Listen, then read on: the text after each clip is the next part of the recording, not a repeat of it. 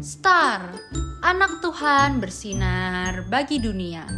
Renungan tanggal 3 Agustus untuk anak balita sampai kelas 1 SD.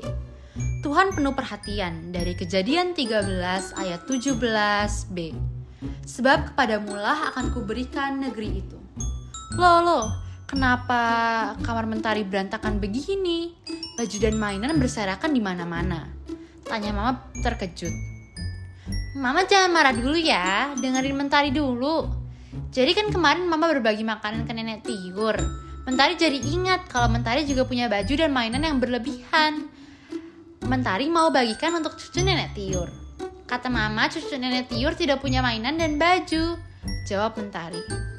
Ya ampun, baik baik sekali kamu Mentari. Mama nggak akan marah dong. Justru Mama bangga sama kebaikan hati Mentari.